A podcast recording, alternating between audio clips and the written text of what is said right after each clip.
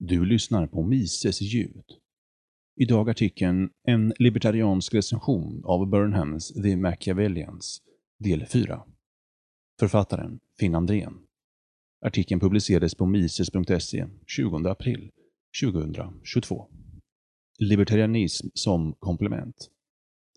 Den machiavellianska statsvetenskapen är grundläggande för att förstå den politiska makten i samhället.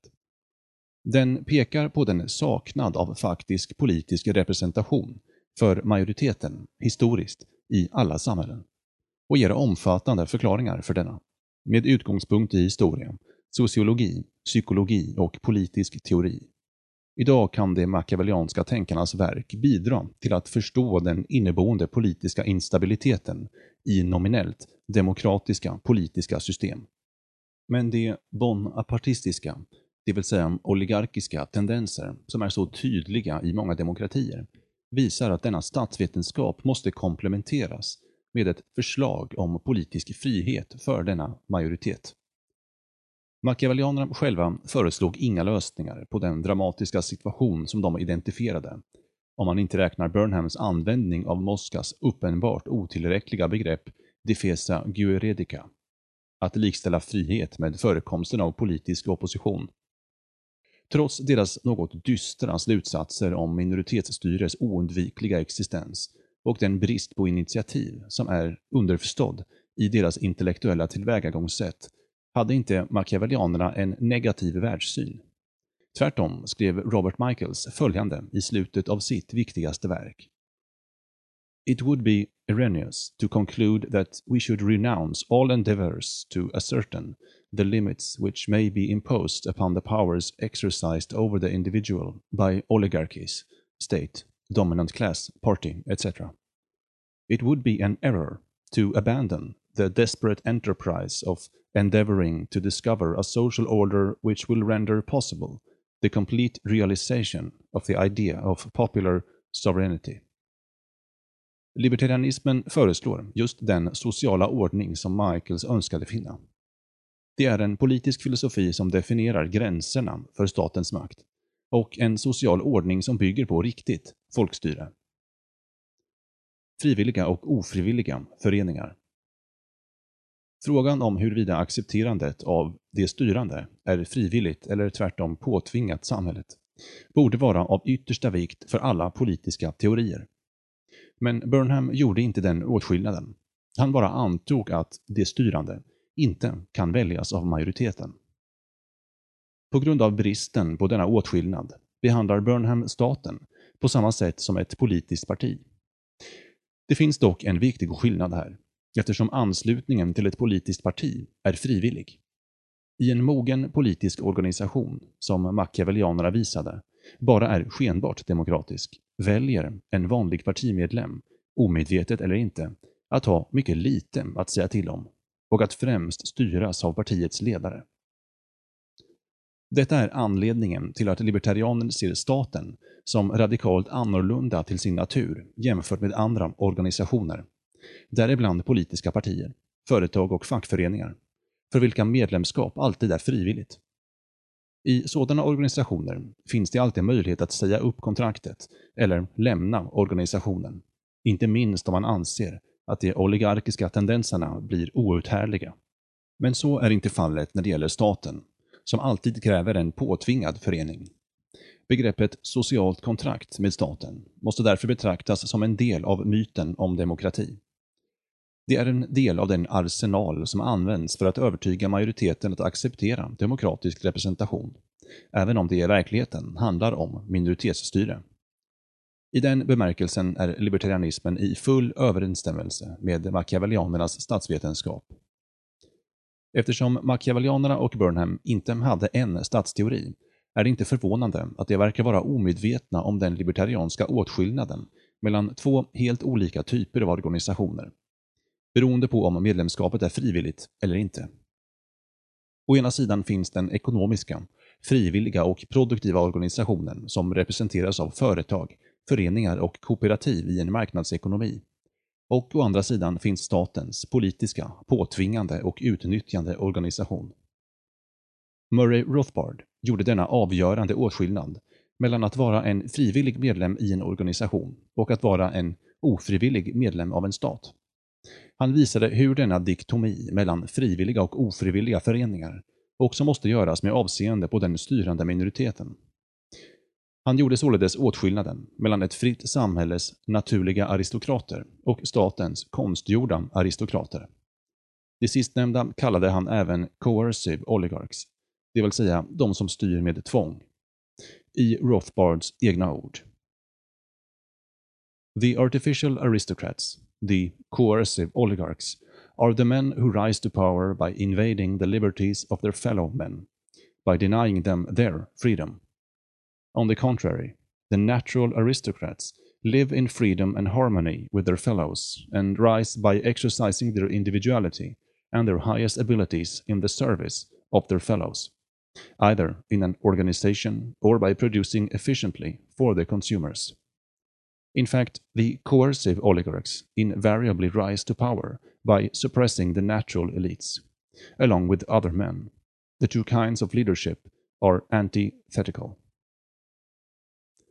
Det verkar uppenbart att samhället behöver naturliga aristokrater för att utvecklas.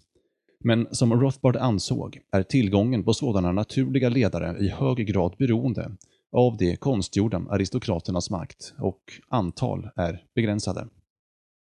Riktigt folkstyre är den fria marknaden. För libertarianer kan en ökning av den politiska friheten, det vill säga möjligheten till frivillig och icke påtvingad förening, endast uppnås med en minskning av statens makt över samhället. Uttryckt på machiavellianernas vis så kan majoriteten endast få större inflytande över samhällets inriktning genom att den styrande minoritetens makt begränsas. I detta avseende är den fria marknadsekonomin den enda sociala ordning som bygger på folkets suveränitet i form av rätten att välja. Den ohämmade kapitalistiska ekonomin är grundläggande för samhällets utveckling och framsteg. Det är statens ingripande i den fria marknaden som förstärker minoritetsstyret i samhället genom att öka den politiska makten och hindra den allmänna förbättringen av materiella förhållanden. Detta har den moderna historien visat vid åtskilliga tillfällen. Den fria marknaden kan alltså ses som verklig demokrati, som inte är föremål för minoritetens tvångsstyre. Endast den fria marknadsekonomin gör det möjligt att ta hänsyn till miljontals människors val. Inte en gång vart fjärde år i valurnorna, utan varje dag, tiotals eller till och med hundratals gånger om dagen. Det är på den fria marknaden som naturliga ledare kan växa fram och utvecklas till fullo, till gagn för hela samhället. Machiavellianerna kom naturligtvis inte fram till den slutsatsen, inte minst därför att de visade föga förståelse eller intresse för ekonomi. De hänvisade överhuvudtaget inte till den på den tiden banbrytande bidragen inom den då nya ekonomiska vetenskapen från Karl Menger och Eugen von Böhm-Bawerk från den österrikiska ekonomiska skolan. I synnerhet Mengers subjektiva värdeteori och Böhm-Bawerks räntesats och kapitalteori förbättrade dramatiskt förståelsen av det moderna kapitalistiska systemet.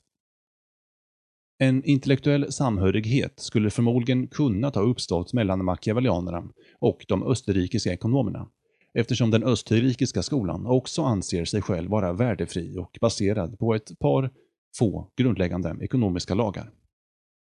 Majoritetens politiska intresse borde därför i första hand vara att ökningen av statsmakten upphör och att statens inblandning i samhället minskar.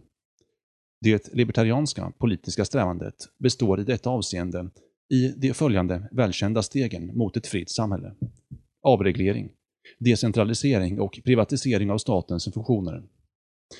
Med andra ord, så många ekonomiska områden som möjligt bör befrias från statligt inblandande, avreglering.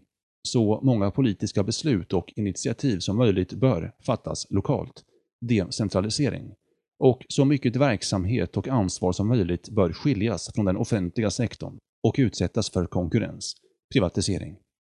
Eftersom machiavellianerna har visat att det inte är möjligt att undvika minoritetsstyre, borde detta styre göras så frivilligt och opolitiskt som möjligt genom dessa libertarianska förslag. På så sätt skulle den styrande minoritetens politiska makt försvagas avsevärt och därmed ge vika för samhällets naturliga ledare slutsatser. Denna recension av Burnhams The Machiavellians har haft som mål att presentera den machiavellianska statsvetenskapen för en ny generation läsare, särskilt i frågan om demokrati. Samtidigt har denna essä försökt visa bristerna i denna politiska analys ur ett libertarianskt perspektiv och hur den naturligt kan kompletteras med libertarianernas syn på frihet och stat. Den machiavellianska statsvetenskapen avfärdar idén att ett demokratiskt statsskick är ett realistiskt och genomförbart sätt att organisera och utveckla ett samhälle på lång sikt. Detta har blivit allt tydligare idag och håller på att bekräftas allt eftersom västerländska, så kallade demokratiska samhällen försvagas och utsätts för betydande påfrestningar på grund av den moderna statens enorma storlek och räckvidd.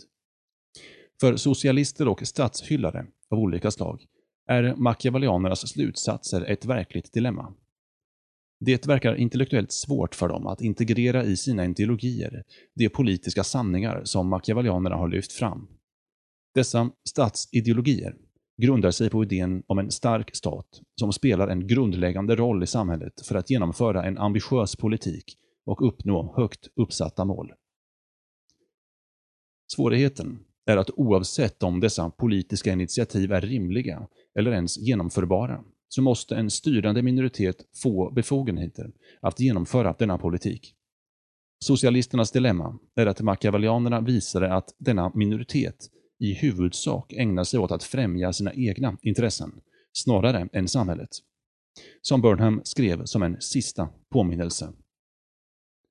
The primary object, in practice, of all rulers is to serve their own interest, to maintain their own power and privilege. There are no exceptions. No theory, no promises, no morality, no amount of goodwill, no religion, will restrain power. Libertarianismen har däremot länge erkänt de viktiga slutsatser som har beskrivits i denna recension. Med fastställandet av den fria marknaden som den enda verkliga möjligheten att uppnå folkets självbestämmande kan alltså den libertarianska politiska filosofin ses som ett viktigt komplement, ett nödvändigt tillägg till den machiavellianska statsvetenskapen. Detta hindrar inte att Burnhams bok starkt kan rekommenderas. Den är en oerhört viktig ögonöppnare för allmänheten om de oligarkiska egenskaperna som finns hos alla politiska system och deras ledare. Verket lyser särskilt upp, lika väl som när den kom ut på 1940-talet, den politiska verkligheten i moderna demokratier. The Machiavellians är ett enastående politiskt verk som borde läsas av alla unga vuxna.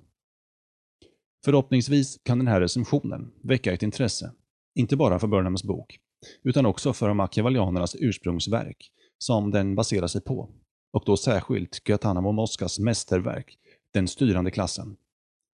Det är ett verk som helst borde vara standardläsning för alla statsvetenskapsstudenter. Men det kommer förmodligen aldrig att hända, på grund av hotet som dess idéer representerar för den styrande minoriteten. För att försvara friheten mot ytterligare intrång från staten så måste dock machiavellianernas insikter spridas i folkopinionen på ett eller annat sätt.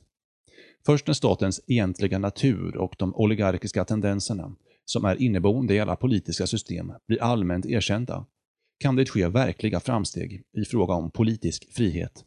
Om machiavellianernas idéer blev mer allmänt kända, skulle myten om demokrati som ett fungerande representativt politiskt system avslöjas för majoriteten som en sofistikerad lögn. Det skulle göra det lättare att införa en ny politisk formel, nämligen den fria marknaden som grunden för folkstyre. Detta skulle för en gångs skull vara en sanningsenlig politisk formel, eftersom den fria marknaden är det enda systemet som är demokratiskt i ordets verkliga bemärkelse. Ju mer majoriteten börjar förstå och acceptera den idén, desto mer kan frihet spridas i samhället.